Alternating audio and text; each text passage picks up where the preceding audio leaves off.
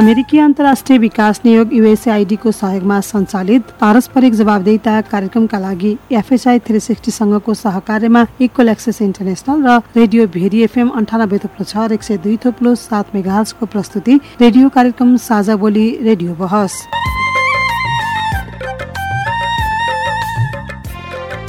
नमस्कार। साझा बोली रेडियो बहसमा तपाईँलाई स्वागत छ। म दिपा कोइराला। साझा बोली रेडियो बहसमा हामी नागरिक समाज आम सञ्चार माध्यम र सार्वजनिक निकाय बीचको पारस्परिक जवाबदेता र आपसी दिगो सम्बन्धका विषयमा छलफल गर्छौँ।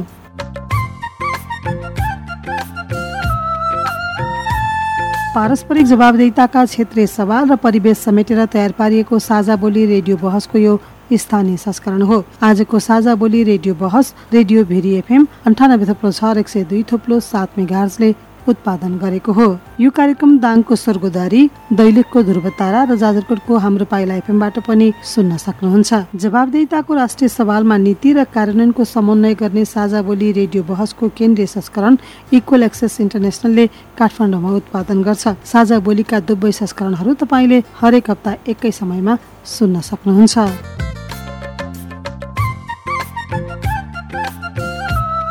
साझा बोली रेडियो बहसको यस सत्रको यो स्थानीय संस्करणको छैठौँ भाग हो। झन्डै चार वर्ष अघिदेखि प्रसारण भइरहेको साझा बोली यस वर्ष रेडियो बहसका रूपमा उत्पादन तथा प्रसारण सुरु भएको हो।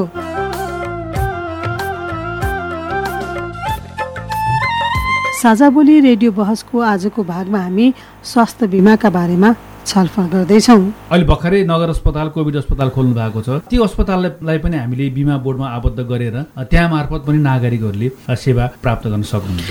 त्यस्तै स्वास्थ्य बिमाको सेवा नागरिकले कसरी पाइरहेका छन् भन्ने बारेमा तपाईँको प्रश्नको जवाब पनि सुन्न सक्नुहुन्छ। स्वास्थ्य बिमा विशुद्ध राम्रो प्रकारकारी जनमुखी हो। तर महसुसीकरण चाहिँ हामीले गराउन सकेनौँ। त्यस कारणले गर्दा यो ग्रामीण क्षेत्रमा त्यति प्रभावकारी नभएको चाहिँ मैले देखिरहेको छु। साथै बिमा कार्यक्रमलाई अझ प्रभावकारी बनाउन के गर्नु पर्ला भन्ने विषयमा पनि छलफल गर्छौँ। प्रदेशको स्वास्थ्य बिमा कार्यक्रम व्यवस्थित गर्नको लागि प्रदेश स्तरीय स्वास्थ्य बिमा संयोजन समिति रहने व्यवस्था छ। है प्रदेशमा समस्याहरू के छन्? प्रदेशमा स्वास्थ्य बिमा कार्यक्रमलाई कसरी प्रभावकारी बनाउन सकिन्छ? यो बारेमा चाहिँ प्रदेश स्तरीय स्वास्थ्य बिमा संयोजन समिति छ। साझा बोली रेडियो बहस अमेरिकी अन्तर्राष्ट्रिय विकास नियोग युएसएआईडी मार्फत अमेरिकी जनताहरूको सहयोगका कारण सम्भव भएको हो। यस कार्यक्रमभित्रका विषयवस्तु र सामग्री पारस्परिक जवाबदेहिता कार्यक्रमका एकल जिम्मेवारी हुन्। र यहाँ प्रस्तुत भनाइले युएसएआईडी वा अमेरिकी सरकारको विचार प्रतिबिम्बित गर्छन् भन्ने जरुरी छैन। रेडियो कार्यक्रम साझा बोली रेडियो बहसमा तपाईँलाई फेरि स्वागत छ। स्वास्थ्य बिमाका बारेमा कुराकानी गर्न यतिखेर कार्यक्रममा हामीसँग स्वास्थ्य बिमा बोर्ड कर्णाली प्रदेश कार्यालय सुर्खेतका संयोजक अर्जुन पण्डित हुनुहुन्छ।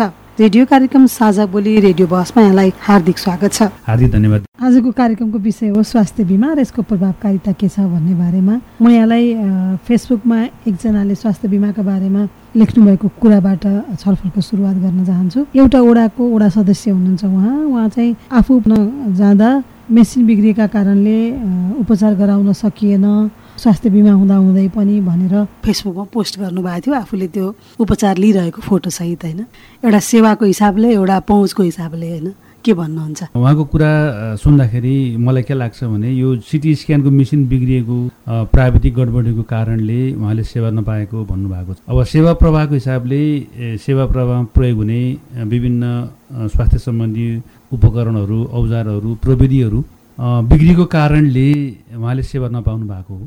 अब त्यो वास्तवमा संजोगले उहाँ गएको बेलामा त्यो बिग्रिएको हो। यो प्राविधिक कुरा हो। अब मिसनहरू बिग्रिने होइन? यसमा चाहिँ समयमै बनाउनको लागि चाहिँ पहल गर्नु पर्थ्यो होइन? अब यो बनाउने क्रममा पनि होला। त्यसैले मेरो यसमा चाहिँ दृष्टिकोण के छ भने बिमितले सेवा पाउनुपर्छ। तर यो अस्पतालमा उपकरणहरू बिग्रिएको अवस्थामा स्वास्थ्य कर्मी डाक्टर साहबहरू नभएको अवस्थामा अलिकति उहाँहरूलाई सेवा प्रवाहमा चाहिँ समस्या उत्पन्न भएको चाहिँ पक्कै हो। सेवाको हिसाबले हेर्दाखेरि अलिकति समस्या चाहिँ देखिन्छ। त्यो कुरा चाहिँ अब त्यहाँ अर्को अल्टरनेट अर्को चाहिँ तपाईँको मिसिन नभए पछाडि मिसिन बिग्रियो। मिसिन बिग्रिसके पछाडि नबनाइकन त सेवा पाउन सक्ने कुरै भएन। त्यो बनाउने प्रक्रियामा सम्बन्धित अस्पताल प्रशासनले अलिक छिटो सरितो ढङ्गबाट अ, बिग्रिएको कुरालाई मर्मत गरेर बनाउने कुरामा चाहिँ अगाडि बढ्नुपर्छ जस्तो लाग्छ। सार्वजनिक ठाउँमा भएका यस्ता मेसिनरी सामानहरूका कुराहरूमा अथवा अन्य कुराहरूमा बनाउनेतिर त्यति धेरै चासो भएको देखिँदैन होइन? अब वास्तवमा यो प्रदेश अस्पतालमा सिटी स्क्यान सुरु भएको त्यति धेरै त भएको छैन। तथापि अब त्यो भएपछि त त्यो मेसिन नयाँ छ मेसिन नयाँ छ। तर यो प्राविधिक कुरामा हामीले अलिकति अब यो भन्न सक्ने अवस्था चाहिँ देख्दिनँ म। किनभने प्रविधिको कुरा हो अब बिग्रियो भनेपछि त्यसलाई बनाउनु पर्छ र यदि उहाँले त्यो मेसिन ठिक थियो र पनि उहाँले सिटी स्क्यान गर्न नपाउनु भएको भएदेखि अलिकति सेवामा चाहिँ यो बारेमा कुरा उठाउनु सान्दर्भिक हुन्थ्यो। तर मेसिनहरू प्रविधिहरू बिग्रिएको कारणले उहाँले चाहिँ सेवामा असहज भयो। उहाँलाई समस्या उत्पन्न भयो। अब त्यो बनिसके पछाडि सेवा लिन सकिन्छ। तर भन्दाखेरि त मेसिन बिग्रिन्छ अथवा कर्मचारी थिएन होइन? आज उहाँ बिदामा हुनुहुन्छ ढिलो आउनुभयो यस्ता यस्ता कुरा नै आउने हुन् सेवाको कुरामा। तर स्वास्थ्यको विषयलाई यस्तो कुराले कतिको हामी टार्न सक्छौँ भन्ने प्रश्न पनि होला होइन? अझ बिमाको विषयमा त बि स्वास्थ्य बिमा गरेको छु म ढुक्कसँग जानुपर्छ भन्ने एउटा सेवाग्राहीलाई यो कुराहरूले कस्तो असर पर्ला? अहिले पक्कै पनि अब सेवा पाउन नसक्ने बित्तिकै बिमितलाई जुन स्वास्थ्य बिमा गर्नुभएको सबै नागरिकहरूलाई यो ठुलो समस्या उत्पन्न हुन्छ उहाँले सेवा पाउनुपर्छ। अब सेवा नपाउँदाखेरि उहाँहरूको स्वास्थ्य अवस्थामा एकदमै समस्या हुन सक्ने र वास्तवमा स्वास्थ्य उपचार गर्नको लागि स्वास्थ्य सेवा लिनको लागि नै उहाँहरूले बिमा गर्नुभएको हो र स्वास्थ्य बिमा मार्फत सेवा पाउनुपर्छ भन्ने कुरा चाहिँ म यसमा जोड दिन चाहन्छु। जस्तो यो बिमा भनिन्छ त्यसमा पनि स्वास्थ्य बिमा भन्ने जुन कुरा छ यो चाहिँ हो के? कसरी बुझ्ने एउटा नागरिक नागरिकले? अब वास्तवमा यो स्वास्थ्य बिमा कार्यक्रम भनेको रोगको उपचार गर्नको लागि जुन नेपाल सरकारले ल्याएको बिमा कार्यक्रम हो वास्तवमा स्वास्थ्य बिमा अरू प्राइभेट विभिन्न कम्पनीहरूले पनि गर्छन्। तथापि नेपाल सरकारको यो स्वास्थ्य बिमा कार्यक्रम आर्थिक अभावको कारणले कोही पनि नागरिक उपचार हुनबाट वञ्चित हुन नपरोस् भन्ने उद्देश्यले सरकारले ल्याएको कार्यक्रम हो। र यसको मुख्य उद्देश्य भनेको नै आर्थिक जोखिमलाई न्यूनीकरण गर्ने हो र कुनै पनि परिवार स्वास्थ्य अथवा रोगको उपचार गर्ने सन्दर्भमा अझ गरिब भएर ननिस्कियोस् अथवा त्यो रोगको उपचार गर्न लाग्ने पैसा उसले अन्य क्षेत्रमा लगानी आय आर्जनको क्षेत्रमा लगानी गर्न सकोस् र उसको उपचारमा चाहिँ धेरैभन्दा धेरै खर्च नहोस् भन्ने उद्देश्यले चाहिँ सरकारले ल्याएको कार्यक्रम नै स्वास्थ्य बिमा कार्यक्रम निशुल्क स्वास्थ्य सेवाले छुन नसकेको कुरालाई यसले सहयोग गरोस् भन्ने पनि एउटा उद्देश्य हो कि? अब स्वास्थ्य बिमा कार्यक्रम चाहिँ यो कार्यक्रम मार्फत गुणस्तरीय स्वास्थ्य सेवा प्रदान गर्ने भन्ने उद्देश्य छ। नेपाल सरकारले संविधानमै उल्लेख गरेको र अहिले सबै नागरिकले आधारभूत स्वास्थ्य सेवा निशुल्क रूपमा प्राप्त गरिरहनु भएको छ। त्यो निशुल्क रूपमा प्राप्त गरेको स्वास्थ्य सेवा बाहेक थप उपचार आवश्यक परेको सन्दर्भमा उहाँहरूले स्वास्थ्य बिमा मार्फत उपचार गर्न सक्नुहुन्छ। के छ प्रक्रिया? कसरी जान अब यो स्वास्थ्य बिमा कार्यक्रममा आबद्ध हुनको लागि सम्पूर्ण नेपाली नागरिक यो बिमा कार्यक्रममा आबद्ध हुन सक्नुहुन्छ। यसको लागि चाहिँ हामीले सर्वप्रथम हरेक वडामा हरेक जिल्लाको हरेक पालिकाको हरेक वडामा हाम्रो एकजना दर्ता सहयोगी भन्ने कर्मचारी हुनुहुन्छ। उहाँहरू मार्फत नै यो बिमा कार्यक्रममा आबद्ध हुन सकिन्छ। वडाको वडा अध्यक्षज्यूको संयोजकत्वमा वडा सचिव र स्वास्थ्य संस्थाको प्रमुख सदस्य सचिव रहने गरी तिनजनाको समिति हुन्छ। उहाँहरूले यो दर्ता सहयोगी पदमा आवेदन आह्वान गर्नुहुन्छ र उहाँहरूले हामीलाई छनौट गरेर एकजना प्रमुख र एकजना वैकल्पिक उम्मेद्वार भनेर दर्ता सहयोगी पठाउनुहुन्छ। बिमा बोर्डले उहाँहरूलाई तालिम दिएर आवश्यक दर्ता सामग्रीहरू सबै उहाँहरूलाई उपलब्ध गराएर हामीले ओडामा पठाएका छौँ। अब तपाईँ सम्पूर्ण नागरिकहरू बिमा कार्यक्रममा आबद्ध हुनको लागि तपाईँको ओडामा दर्ता सहयोगी को हुनुहुन्छ? वडा अध्यक्षज्यू र वडा कार्यालय मार्फत तपाईँहरूले उहाँलाई उहाँको सम्पर्क उहाँ तपाईँहरूले पत्ता लगाउन अथवा उहाँ मार्फत चाहिँ तपाईँहरूले बिमा गराउन सक्नुहुन्छ। पहिला एउटा मान्छेलाई ल मलाई बिमा गर्न मन लाग्यो भनेपछि उहाँले सुरुमा कसलाई भेट्ने? हो अब उहाँलाई बिमा गर्न मन लाग्यो भनेपछि सब सर्वप्रथम उहाँले वडाको दर्ता सहयोगी को हो? उहाँले खोजी गर्नु पर्यो। उहाँको नाम सम्पर्क विवरण कहाँ हुनुहुन्छ को हो?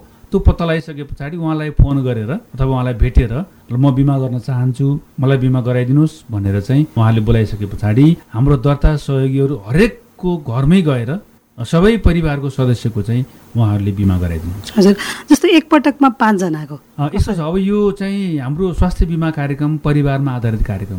र यो परिवारका सबै सदस्य यो बिमा कार्यक्रममा आबद्ध हुनुपर्छ। अब यो पाँचजना भन्दा पनि परिवारमा कतिजना सदस्य हुनुहुन्छ ती सबै सदस्यहरूले यो स्वास्थ्य बिमा कार्यक्रममा आबद्ध हुनुपर्छ। हरेक सदस्यको छुट्टा छुट्टै परिचय पत्र स्वास्थ्य बिमाको छुट्टा छुट्टै कार्ड हुन्छ परिचय पत्र हुन्छ र जो सदस्य बिरामी हुनुहुन्छ उहाँकै परिचय पत्र बोकेर उपचार गर्न जानुपर्छ। अब यो स्वास्थ्य बिमा कार्यक्रममा आबद्ध हुनको लागि पाँचजनासम्मको परिवार हुनुहुन्छ भने तिन हजार पाँच सय पैँतिस सय रुपियाँ तिरेर स्वास्थ्य बिमा कार्यक्रममा आबद्ध हुन सकिन्छ।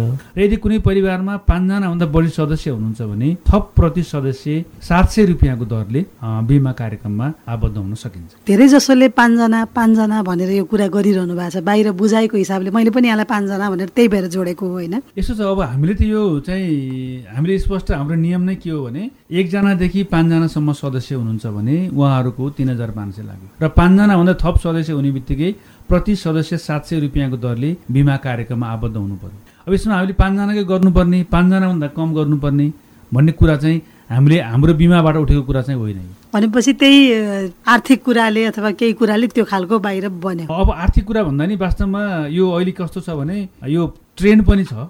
जस्तै उदाहरणको लागि कोही परिवारको सदस्यमा बिमा गराउँदा कस्तो गर्नुभएको छ भने अब पैँतिस सय प्लस सात सय तिर्नु पऱ्यो बयालिस सय छजना सदस्य हुनुहुन्छ भने अब उहाँले चाहिँ त्यो जुन एकजना सदस्य चाहिँ यो चाहिँ हेल्दी छ यसको बिमा गराउन भनेर गराउनु भएन भने त्यही चाहिँ सदस्य बिरामी भएको हुन्छ। त्यही भएर हामी अहिले स्वस्थ छौँ।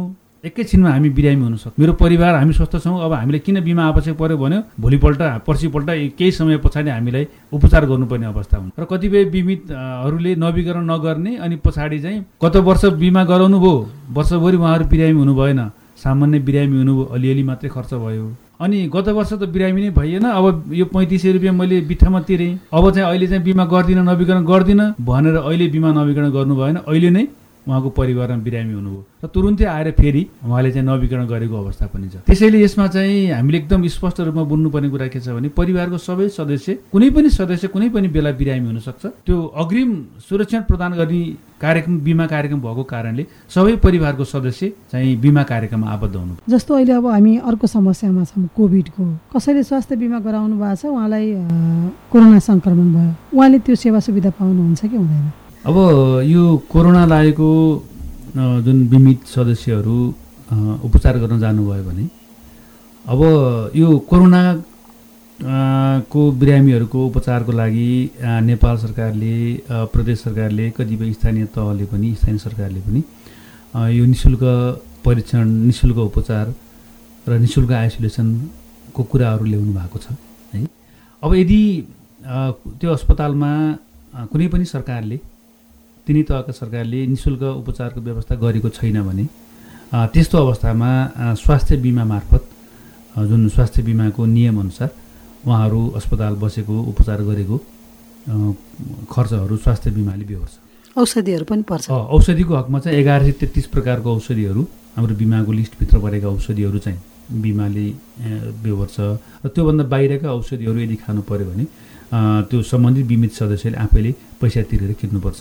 अस्पतालमा बेडमा भर्ना भएर बस्नु पऱ्यो भनेदेखि आइसियु सिसियु बेडमा बस्नु पऱ्यो भनेदेखि उहाँको जुन एक लाख रुपियाँसम्मको उपचारको कुरा जुन उहाँको रकम जुन थैलीमा जति रकम छ त्यति रकम बराबरको सेवा सुविधा उठ्ने गरी चाहिँ बिमाबाट उपचार लिन सकिन्छ। र पिसिआर परीक्षणको हकमा चाहिँ यो पिसिआर परीक्षण बिमाबाट मार्फत चाहिँ बिमित सदस्यलाई बिमा मार्फत बेहोर्दैन।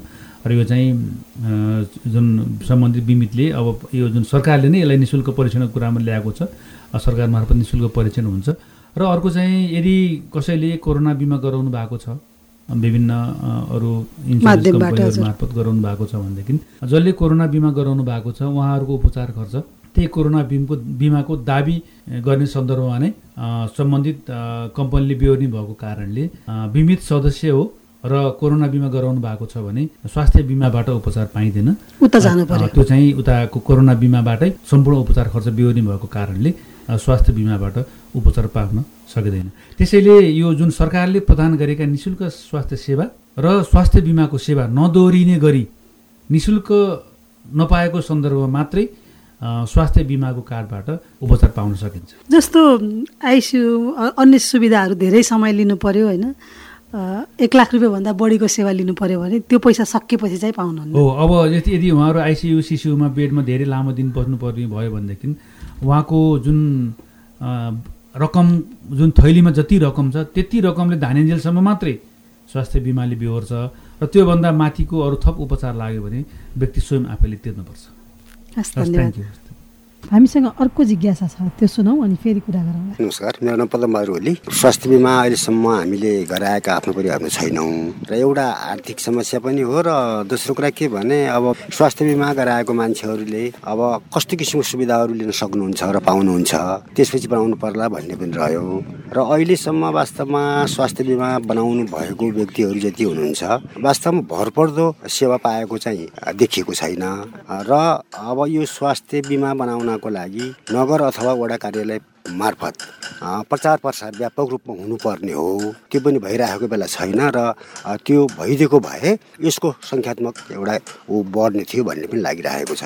हजुर के भन्नुहुन्छ? प्रचार प्रसार कम भयो भन्नुभयो उहाँले। हजुर अब जस्तै हाम्रो यो स्वास्थ्य बिमा कार्यक्रम हामीले अहिले नेपालको यो दुई हजार बहत्तर साल चैत पच्चिस गति कैलाली जिल्लाबाट सुरुवात भएको कार्यक्रम हो। नेपालमा पचहत्तर जिल्लामा यो कार्यक्रम विस्तार भइसकेको छ र नेपालभरि यो कार्यक्रम विस्तार हुन्छ। हाम्रो कर्णाली प्रदेशका दसैँ जिल्लामा यो कार्यक्रम विस्तार भएको अब हामीले सुरुमा जिल्ला विस्तार गर्ने सन्दर्भमा स्थानीय तहका जनप्रतिनिधिज्यूहरू स्वास्थ्य कर्मीहरू सरकारवालाहरू सबैलाई हामीले स्वास्थ्य बिमा सम्बन्धी ओरिएन्टेसन अभिमुखीकरण कार्यक्रम दिएर कार्यक्रम सुरु सुरुवात गर्छौँ। त्यस्तै हाम्रो दर्ता सहयोगीहरू जो हरेक वडामा हुनुहुन्छ उहाँहरूलाई पनि हामीले स्वास्थ्य बिमा सम्बन्धी तालिमहरू ओरिएन्टेसनहरू दिएर अनि उहाँहरूलाई दर्ता सामग्री सबै दिएर घर घरमा घर दैलो कार्यक्रम गर्ने गरी अब जनप्रतिनिधि वडा वडामा बस्ने तपाईँहरूको जुन सहभागी हुनुहुन्छ जस्तो यहाँहरूको प्रतिनिधि उहाँ हो नि सबभन्दा महत्त्वपूर्ण भूमिका खेल्ने व्यक्ति होइन?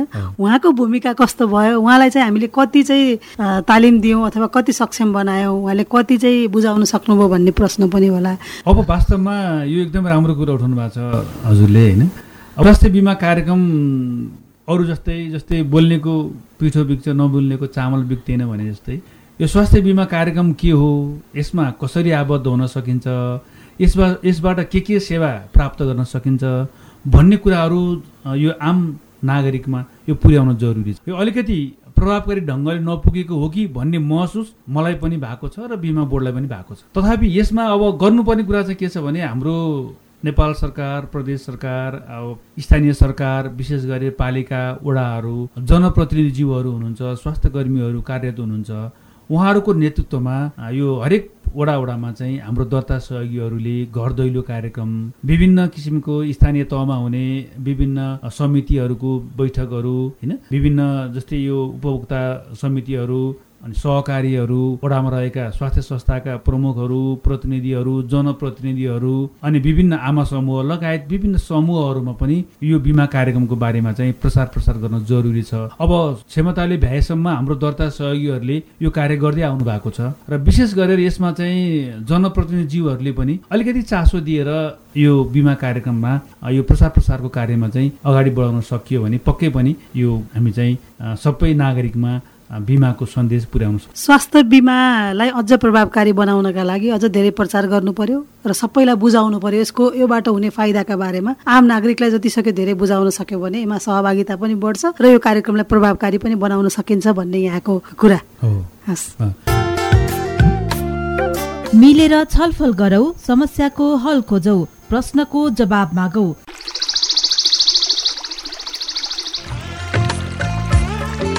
प्रश्न परिवर्तनको सुरुवात हो।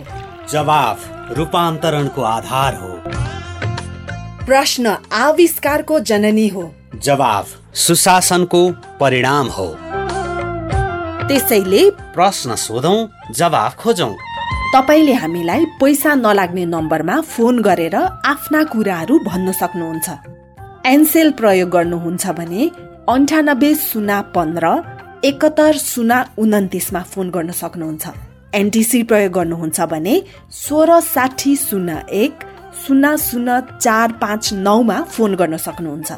अथवा Boli Sajha at the rate Gmail dot com BOLI SAJHA at the rate Gmail dot कममा इमेल गरेर वा मेरो रिपोर्ट र साझा बोलीको फेसबुक युट्युब ट्विटर टिकटक पोस्टहरूमा सेयर लाइक वा कमेन्ट गरेर पनि आफ्ना कुराहरू भन्नु सक्नुहुन्छ। पारस्परिक जवाफदेहिताका लागि प्रश्न सोधौँ जवाफ खोजौँ। साझा बोली रेडियो बहस।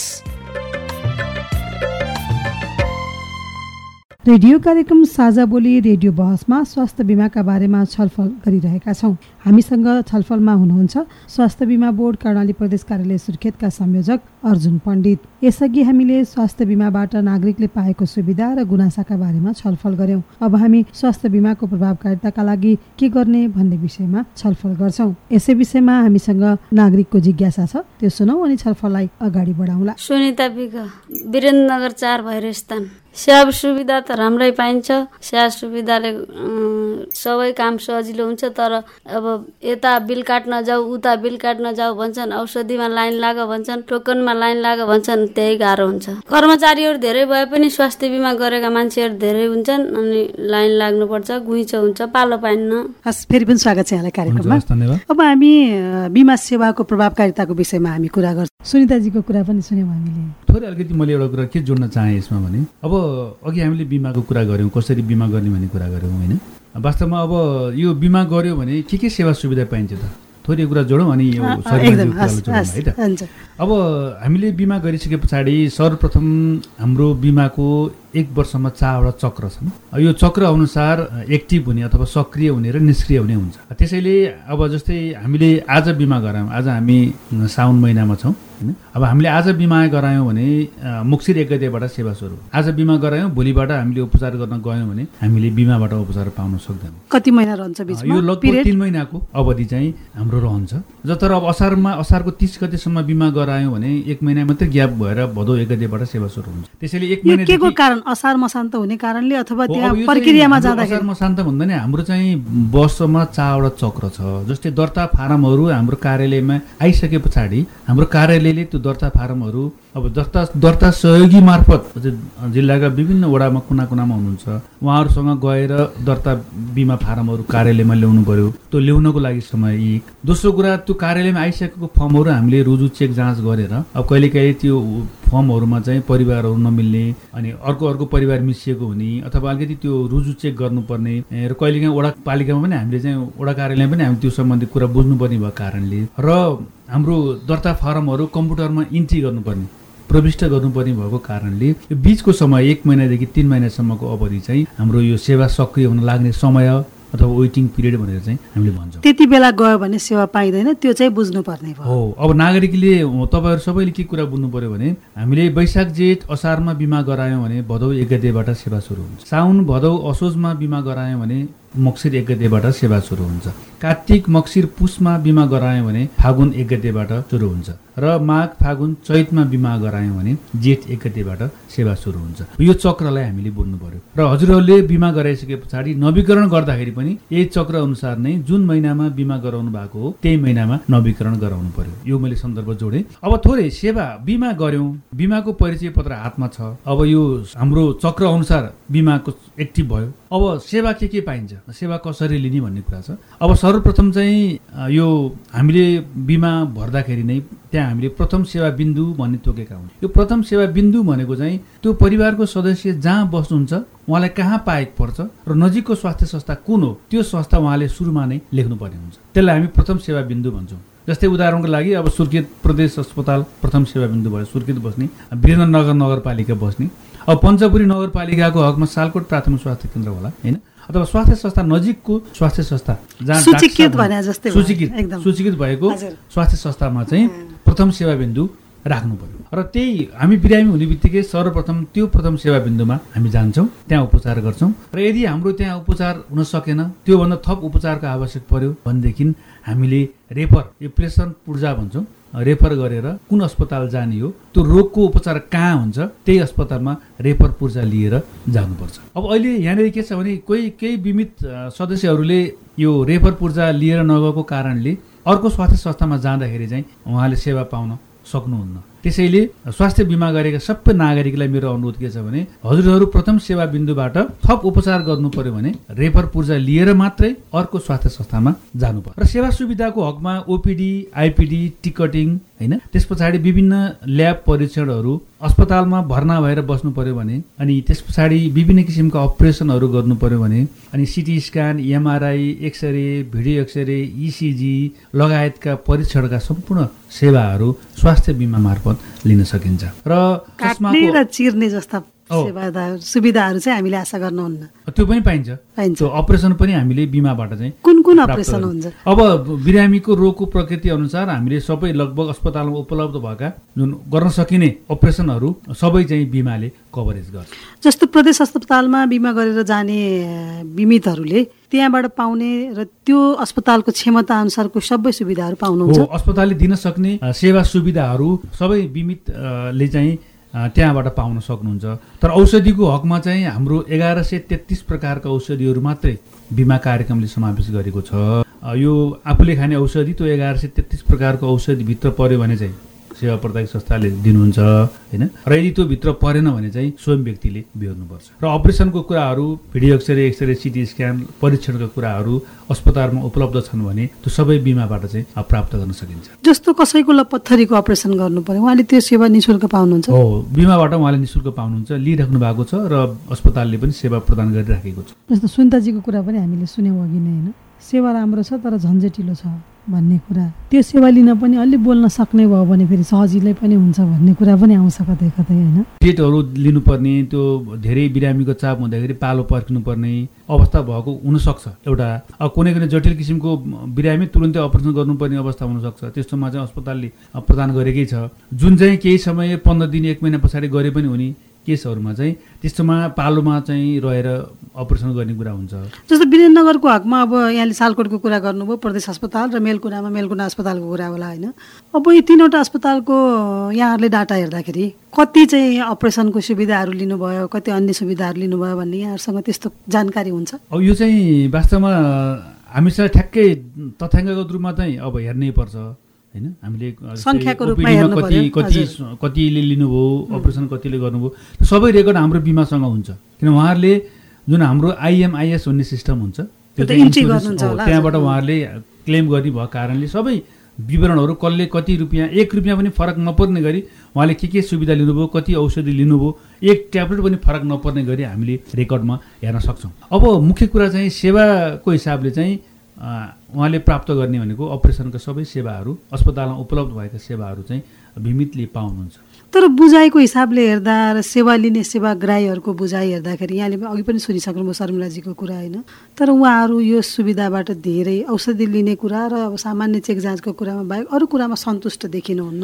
र कतिपय अवस्थामा व्यवहारिक पाटोले हेर्दा अस्पतालले पनि हामीलाई अलिकति अर्को हिसाबले व्यवहार गर्छ भन्ने गुनासो पनि छ। अब यो वास्तवमा जनगुनासो आएको छ धेरै गुनासोहरू आएको छ। अब यसमा चाहिँ यो सेवा प्रवाहको सम्बन्धमा प्रमुख रूपमा के छ भने तिनवटा पाटा छन्। एउटा स्वास्थ्य बिमा बोर्ड छ एउटा बिमित सदस्य छ अनि सेवा प्रदायक संस्था अस्पतालहरू प्राथमिक स्वास्थ्य केन्द्र हुनुहुन्छ। यो त्रिपक्षीय सम्बन्धको आधारमा चाहिँ सेवा प्रवाहलाई प्रभावकारी र गुणस्तरीय बनाउने हो। अब यहाँनिर अहिले के छ भने ठ्याक्कै अहिले एकदम प्र्याक्टिकल्ली समस्या चाहिँ के हो भने अस्पतालहरूमा बिरामीको चाप अथवा बिरामीले अथवा बिमितले अपेक्षा गरे अनुसारको सेवा प्रवाह गर्न नसक्ने अवस्था अस्पतालमा। तर त्यो भनेर बिरामीको त्यो त रोकिन्न नि। होइन। अब बिमितले जुन बिमितको अपेक्षा पनि अब जस्तै हामीले सेवा प्रवाह क्रममा हेरेका छौँ अब सबै नागरिकले सजिलैसँग उपचार पाउन् भन्ने बिमा बोर्डको उद्देश्य हो ध्येय हो। र बिमा कार्यको मुख्य उद्देश्य भनेकै त्यही हो। त्यसैले सेवा प्रवाहमा गुणस्तरीय हुनु पर्यो। सेवा प्रवाह सहज र सरल हुनु र एकदमै सठिक ढङ्गले चाहिँ नागरिकले उपचार पाउनु अब त्यो हाम्रो बिमा बोर्डको एकदमै महत्त्वपूर्ण पक्ष हो। त्यो जरुरी छ त्यो दिनु पनि पर्छ। तर यहाँनिर अहिले देखिएको ग्याप चाहिँ के छ भने सेवा प्रदायक संस्थाले चाहिँ जुन बिमितको अपेक्षा अनुसार सेवा दिन नसक्नु र बिमितको पनि बिमा गरे पछाडि अपेक्षा अलिकति धेरै र चाहिँ छिटो जस्तै कतिपय कुराहरू कस्तो हुन्छ छिटो भन्ने बित्तिकै जस्तै अब परीक्षणका कुराहरू जाँच गर्ने बित्तिकै रिपोर्ट आउँदैन। एक दिन दुई दिन कुर्नुपर्ने हुनसक्छ होइन? त्यस्तो अवस्थामा पनि अब एकदमै बिमितहरूले अलिकति अपेक्षा चाहिँ बढी खोजेको पनि मैले महसुस गरेको छु त्यो हामीलाई किनभने जस्तै थाइरोइड टेस्ट गराउनु भयो मलाई रिपोर्ट तुरुन्तै चाहियो मलाई इमर्जेन्सी छ मलाई अहिले भर्खर चाहियो भन्नुहुन्छ जबकि त्यसको रिपोर्ट आउन बहत्तर घन्टा लाग्छ कम्तीमा। त्यसैले यी परीक्षण जस्तै सिटी स्क्यान लगायत अरू कुराहरूको यो चाहिँ परीक्षण गर्नेको सन्दर्भमा चाहिँ कस्तो हुन्छ भने अब उहाँहरूले चाहिँ जुन नियमअनुसार पालो अनुसार पाउनुपर्छ। अब अलिकति सेवा प्रवाहमा झन्झटिलो भन्ने कुरा उठेको छ।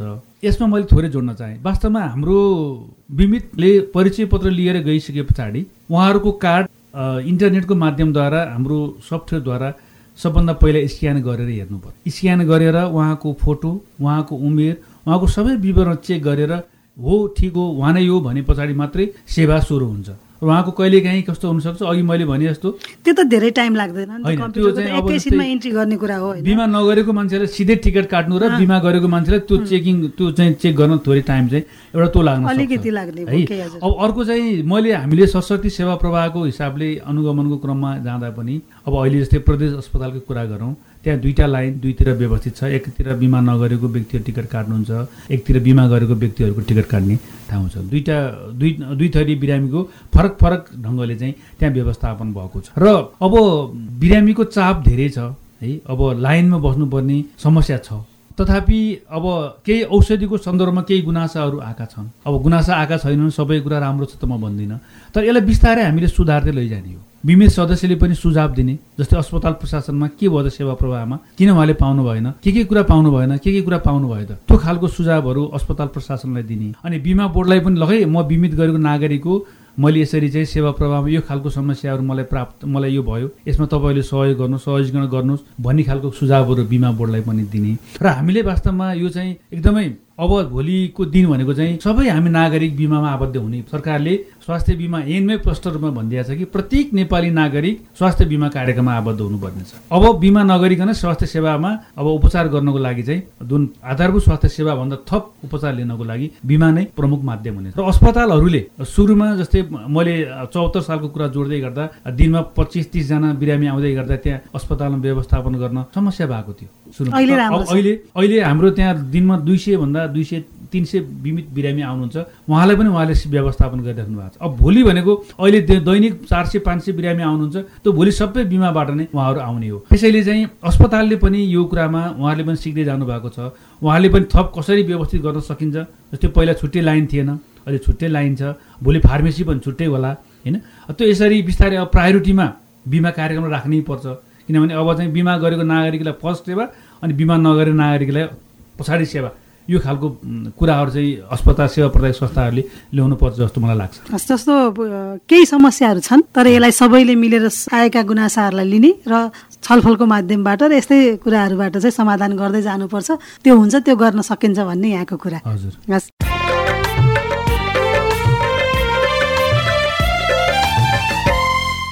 साझा बोली रेडियो बहसमा अहिले हामी स्वास्थ्य बिमाका बारेमा छलफल गरिरहेका छौँ। हामीसँग अतिथि हुनुहुन्छ स्वास्थ्य बिमा बोर्ड कर्णाली प्रदेश कार्यालय सुर्खेतका संयोजक अर्जुन पण्डित।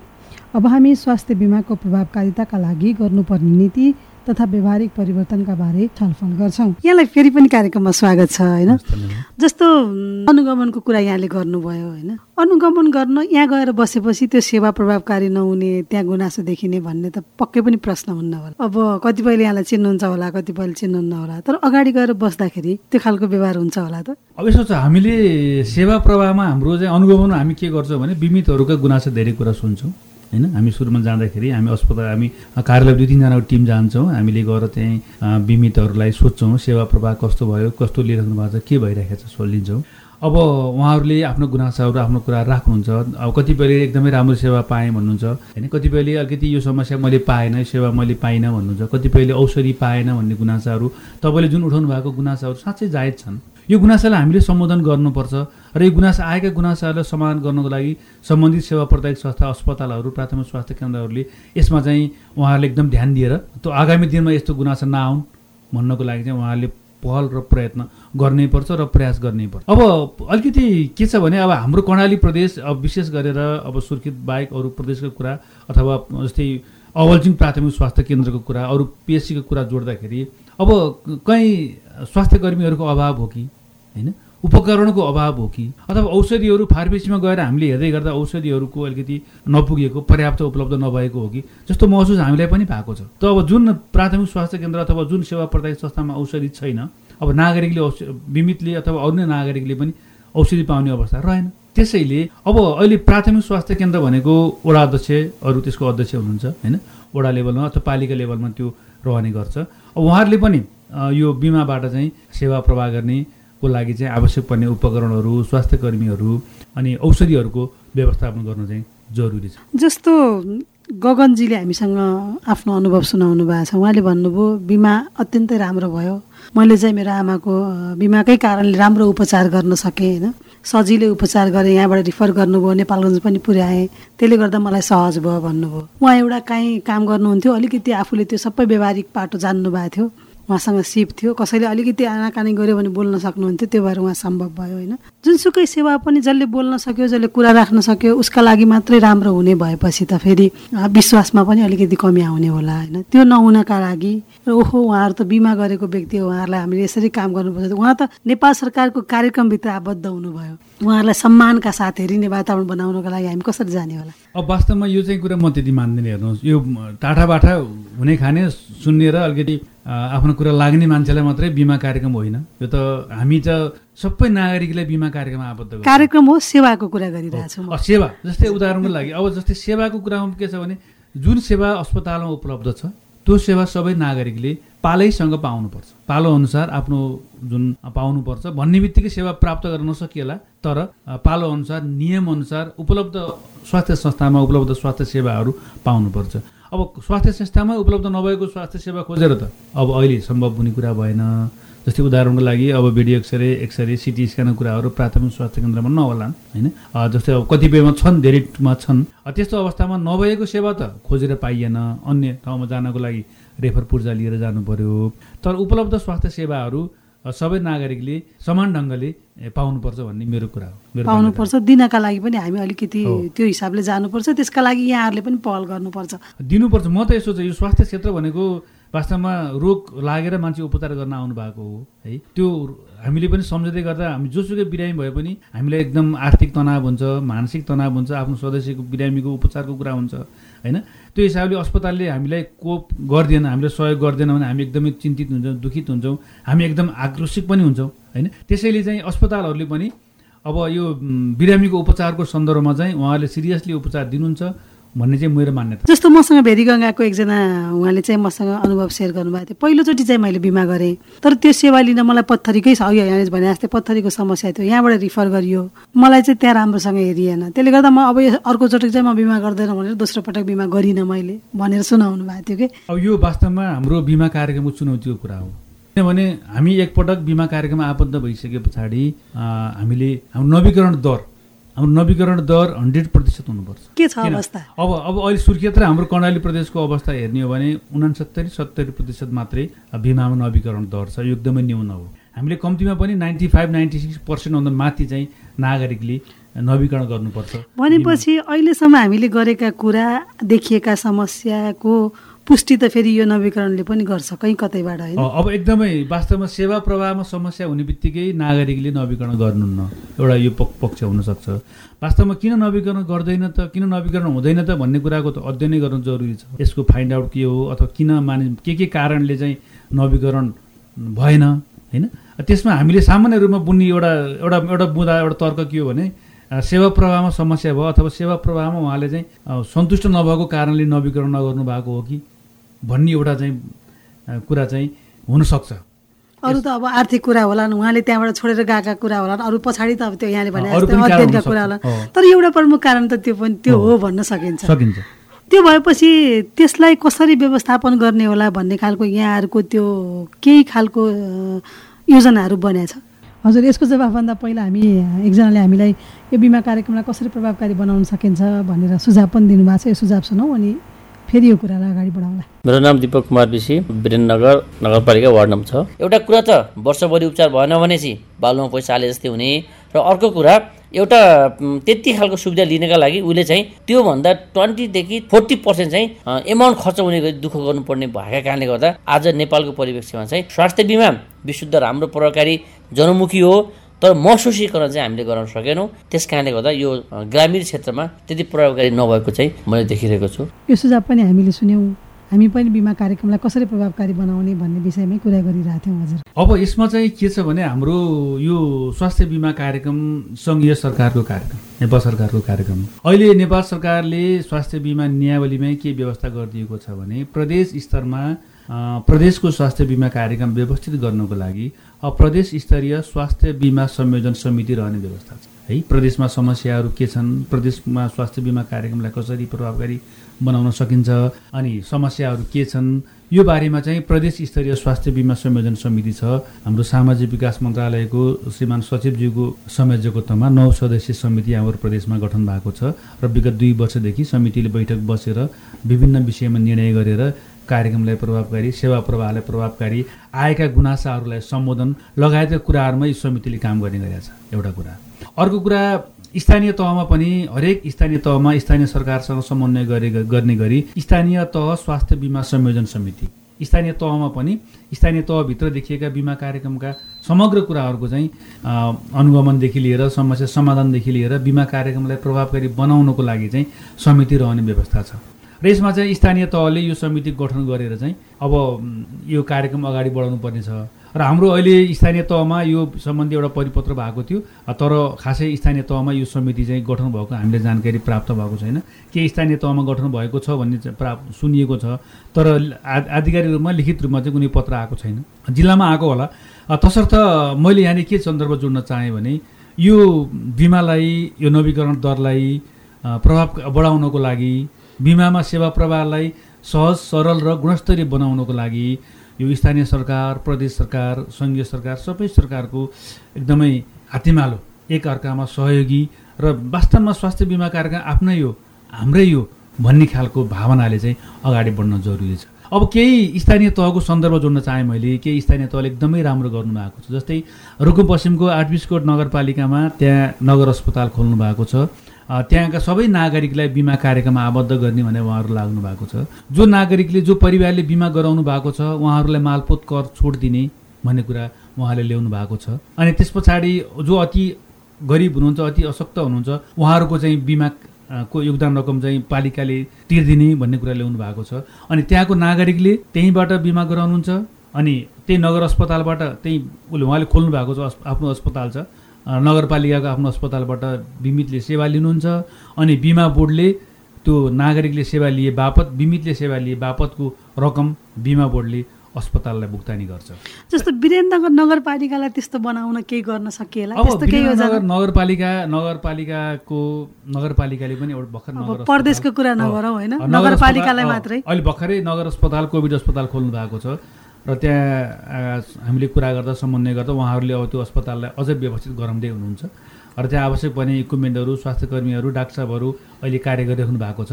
अब उहाँ त्यो अस्पताललाई पनि हामीले बिमा बोर्डमा आबद्ध गरेर त्यहाँ मार्फत पनि नागरिकहरूले सेवा प्राप्त गर्न सक्नुहुन्छ। अब हामी कार्यक्रमको अन्त्यमा छौँ। हाम्रो कार्यक्रमको निष्कर्ष हेर्दाखेरि जस्तो बिमा कार्यक्रमलाई सम्मानका साथ हेर्ने होइन? उहाँहरूलाई सेवाको हिसाबले र व्यवहारको हिसाबले पनि सम्मानका साथ हेर्ने र बिमा गराउनेहरूको सङ्ख्या वृद्धि गर्नका लागि परामर्शको पाटोहरूलाई अझ बलियो बनाउने होइन? र सेवा प्रवाहलाई चुस्त दुरुस्त र विश्वासिलो बनाउन सकियो भने बिमा कार्यक्रमहरूलाई अझ प्रभावकारी बनाउन सकिन्छ। आएका गुनासोहरूलाई सम्बोधन गर्दै भन्ने कुरामा चाहिँ हामी सहमत छौँ। त्यसका लागि हाम्रो पहल हुन्छ। पहल पक्कै पनि हुन्छ। हस् धन्यवाद यहाँलाई। हस् थ्याङ्क यू। यहाँले जुन हुन्छ हस्। यहाँलाई जुन हाम्रो स्वास्थ्य बिमा कार्यक्रमको समग्र कुराहरू विषयवस्तुहरू आम नागरिकसम्म पुर्याउनको लागि जुन एउटा समय दिनुभएको छ यसको लागि चाहिँ भेरी एफएम परिवार कार्यक्रम सञ्चालक दिपा म्याम र सबै सबैलाई हार्दिक धन्यवाद दिन चाहन्छु। हस् नमस्कार।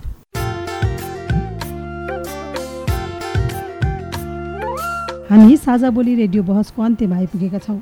साझा बोली रेडियो बहसबारे मनका कुरा भन्नका लागि एनटिसीको मोबाइल वा ल्यान्डलाइन फोन प्रयोग गर्नुहुन्छ भने सोह्र साठी शून्य एक शून्य शून्य चार पाँच नौमा फोन गर्न सक्नुहुन्छ।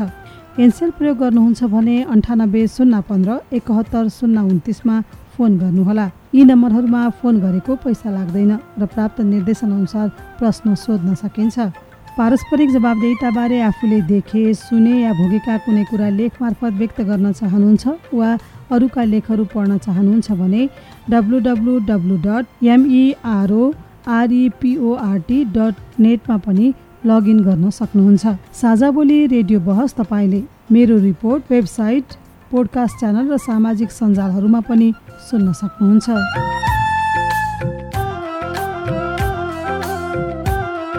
हस् त आजका लागि साझा बोली रेडियो बहसबाट बिदा माग्ने बेला हुनै लागेको छ। आज हामीले स्वास्थ्य बिमाको प्रक्रिया र यसको प्रभावकारिताका बारेमा छलफल गऱ्यौँ अतिथि हुनुहुन्थ्यो। स्वास्थ्य बिमा बोर्ड कर्णाली प्रदेश कार्यालय सुर्खेतका प्रदेश संयोजक अर्जुन पण्डित।